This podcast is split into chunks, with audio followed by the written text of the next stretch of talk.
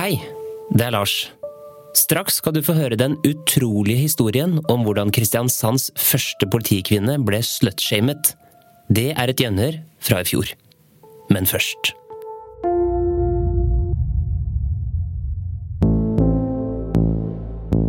Vi gjentar suksessen og inviterer til en ny runde med gamle greier live. Vi nøster opp en ellevill historie fra tidlig 1900-tall, der en mann brukte nesten hele livet på å forføre og svindle enslige kvinner. Men en dag lurte han feil kvinne. Vi får også høre historien fra 1500-tallet om overklassekvinnen Anne Pedersdotter, som ble beskyldt for det mest alvorlige av alt, nemlig trolldom. Nå begynner en desperat kamp for å unngå å havne på heksebålet.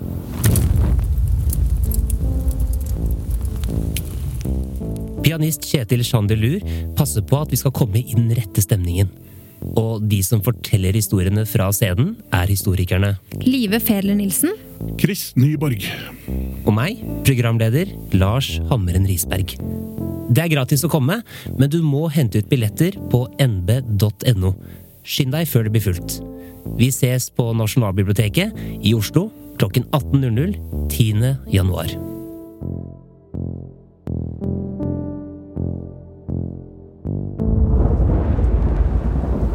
Du hører på gamle greier.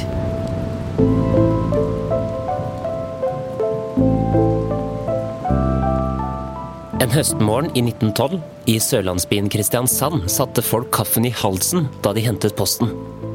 De hadde fått et brev fra en anonym varsler. Varsleren kom med sjokkerende anklager mot byens kvinnelige politibetjent, Mathilde Henriksen. Ifølge den anonyme brevskriveren skulle hun være en skikkelig tøs med flere forhold til gifte menn. Dette brevet ble starten på en kjempesak som hele Norge snart skulle følge. Og midt i kaoset måtte Mathilde Henriksen kjempe en desperat kamp for å finne ut hvem som forsøkte å ødelegge livet hennes.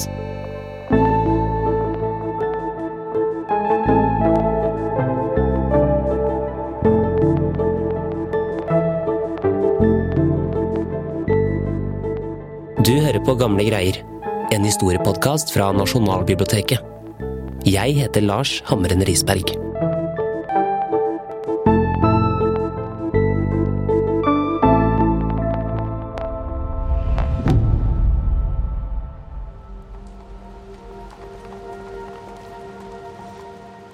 En morgen i oktober i 1912 så gikk politibetjent Mathilde Henriksen ut av døra si som vanlig, og mot arbeidsplassen sin, som var politihuset i Kristiansand.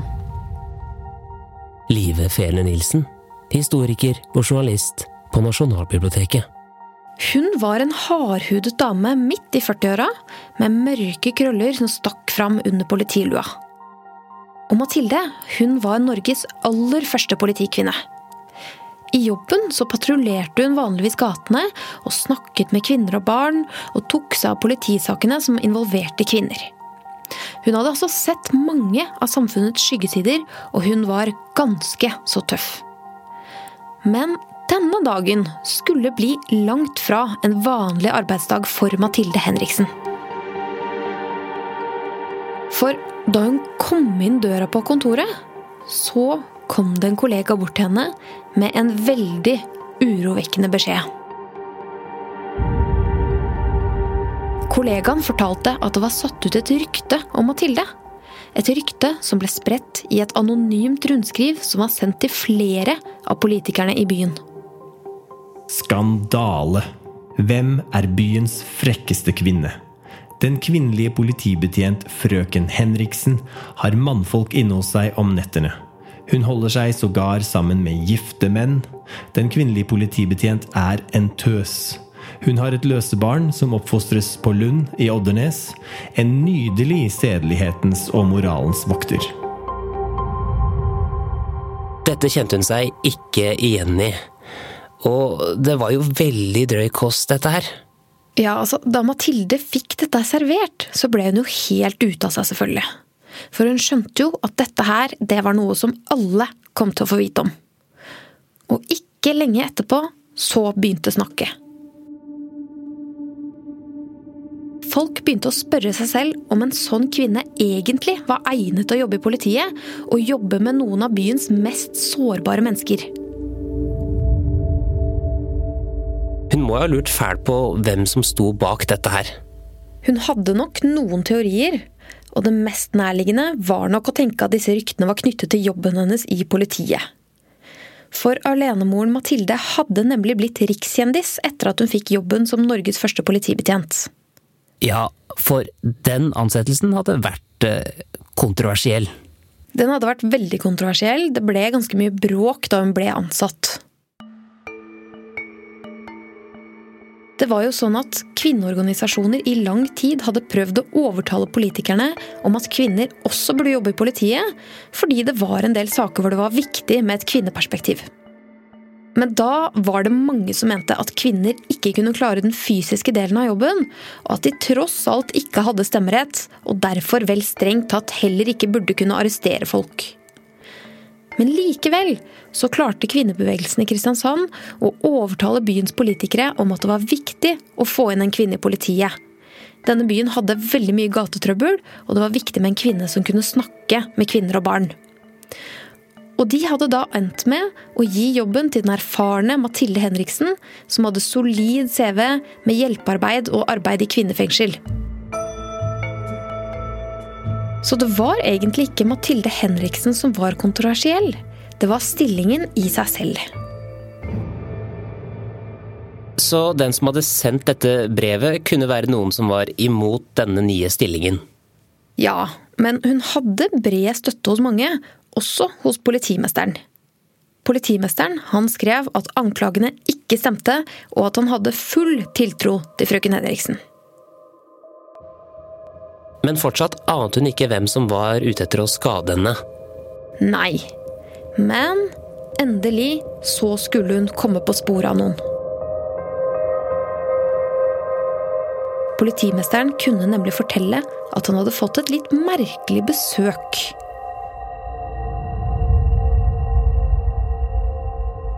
Det var 29 år gamle politibetjent Ole Haraldstad, en av Mathilde sine kolleger. Og han hadde nå fått nok. At hun fremdeles har vist seg å være et usedelig kvinnemenneske, er hevet over enhver tvil. Hun har under sitt opphold her som kvinnelig politi i 1912 gjentatte ganger hatt mannfolk inne hos seg om natten. Og gang på gang har hun ligget med dem som om det var det mest naturlige ting i verden. At denne fremstilling er korrekt, kan dokumenteres, bevitnes og sies under ed. Etter oppfordring fra representanter for kommunen vil jeg gjenta framstillingen, om så mer uførlig i bystyrets møte den 19. samme måned, når byens budsjett, og da også posten kvinnelig politi, skal behandles. Han var lei av at politimesteren stadig støtta denne umoralske kvinnen. Og Ole Haraldstad han kunne virkelig legge makt bak ordene sine, fordi han var nemlig medlem av bystyret. Og det var bystyret som bevilget penger til Mathilde sin prosjektstilling. Og Ole Haraldstad, han var ikke nådig.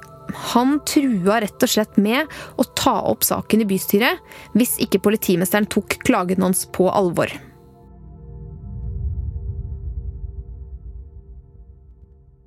Og hittil så hadde hun jo ikke visst hvem som sto bak, men nå fikk hun en ganske sterk mistanke om at det var Ole som hadde stått bak hele tiden. For de anklagene som han kom med til politimesteren, de var jo nesten helt like som i det anonyme brevet som hadde startet alt sammen. Og så var det en ting til da, som kompliserte hele situasjonen. Nemlig at hun og Ole hadde en forhistorie som gjorde det sannsynlig at det kunne være han som var mesterhjernen bak hele svertekampanjen.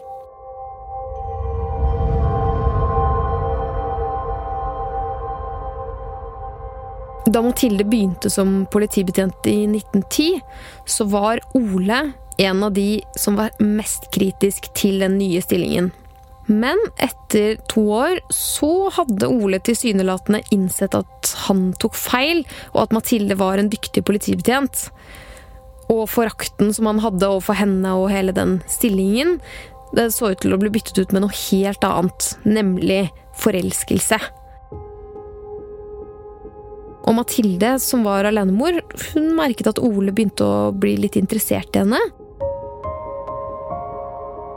De begynte å snakke sammen, og etter hvert så ble det ganske god stemning. Og de to innledet et forhold våren 1912.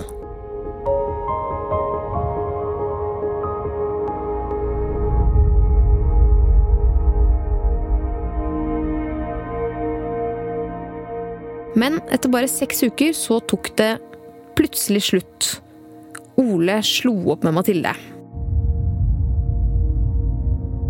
Og like etterpå så ble han sammen med en annen kvinne som var gift. Og da Mathilde nå så tilbake på den korte affæren med Ole, så stilte hun seg nok spørsmålet hadde hun blitt brukt? Hadde hele kjærlighetsaffæren kun vært et komplott for å ødelegge karrieren hennes? Mathilde skjønner jo nå at hun sitter dypt i det. Og det haster med å gjøre noe. Så hun går til sin viktigste støttespiller, nemlig politimesteren. Og hos politimesteren så anmelder hun Ole for ærekrenkelse. Og samtidig så ber hun politimesteren innstendig om å gjøre alt han kan for å stanse denne ryktespredningen. Og hun legger alle kortene på bordet og forteller alt om forholdet som hun har hatt til Ole.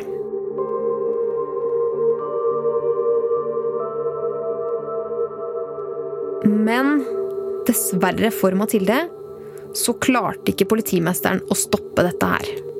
Og saken den havnet i bystyret, og den ble snart førstesidestoff for avisene. Og da brøt helvete løs.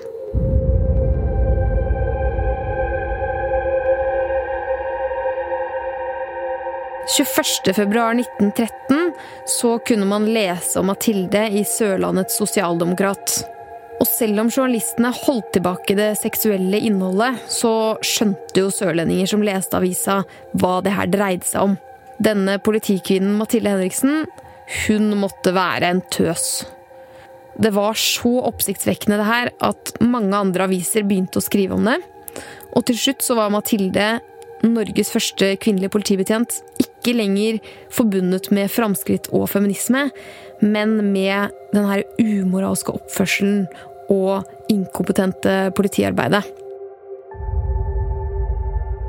Politimesteren erkjente at sånn som situasjonen var, så var det umulig for Mathilde å utføre arbeidsoppgavene sine mens saken stormet rundt henne. Så han så seg rett og slett nødt til å suspendere henne inntil saken var avklart med en endelig dom i retten. Man kan jo tenke seg at det var fristende for henne å forsøke å droppe hele greia nå som hun sto der helt alene.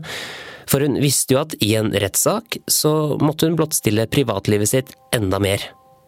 Dette her må jo ha føltes ekstremt urettferdig. Ja.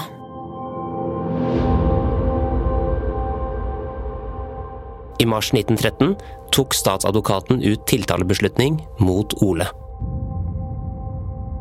Tiltalen gikk ut på at Ole sto bak hele kampanjen mot Mathilde. Og når høsten kom, så begynte rettssaken.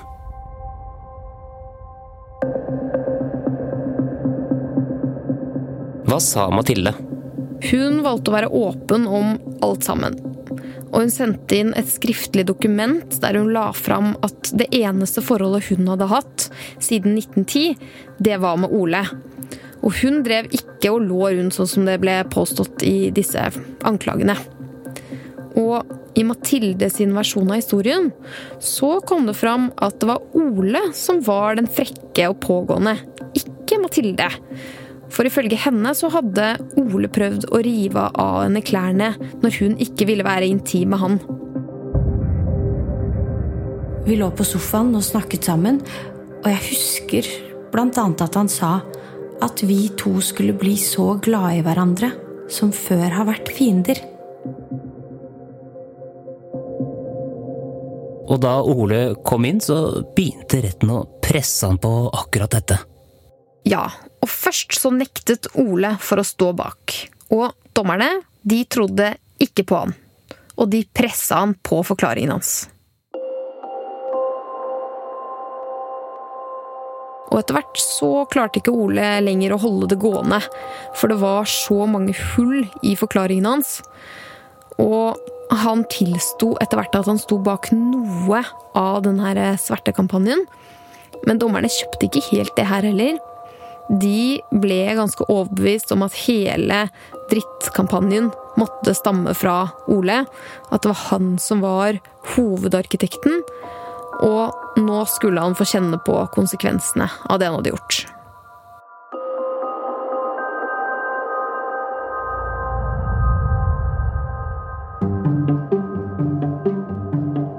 Endelig, lørdag kveld, når alle sto spente utenfor rettslokalet og venta på hva dommen skulle bli, og journalistene hadde spisset pennene sine og var klar til å skrive rapport, så kom da dommen.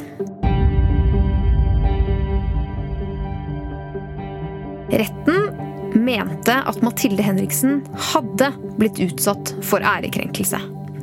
Og Ole han ble dømt til halvannet år i fengsel, og han mista stemmeretten i ti år. Og mista samtidig retten til å tjenestegjøre i offentlig tjeneste, og det betydde jo at han ikke kunne jobbe som politibetjent. Og han måtte også betale 1000 kroner i erstatning til Mathilde, som nesten var en hel årslønn på den tiden for en kvinnelig politibetjent. i hvert fall.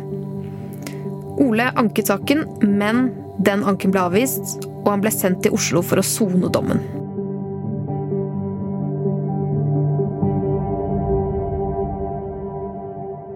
Og da dommen ble kjent, så var pressen raskt ute med saken.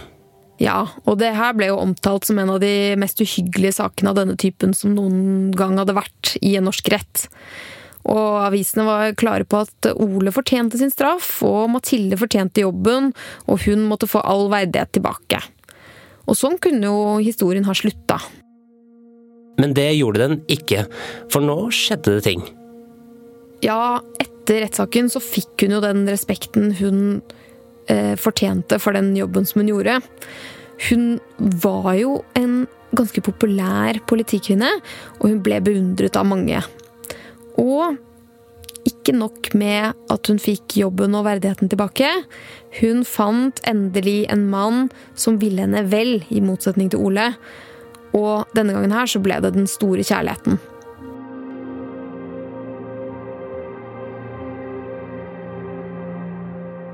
Mathilde fortsatte å jobbe i politiet til hun ble pensjonist.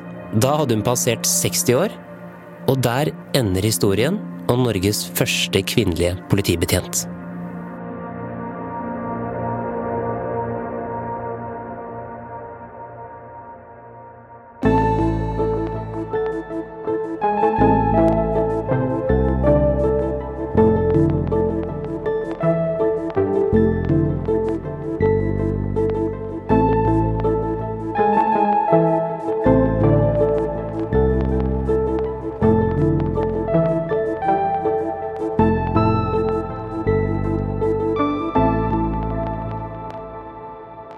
Du har hørt en episode av Gamle greier.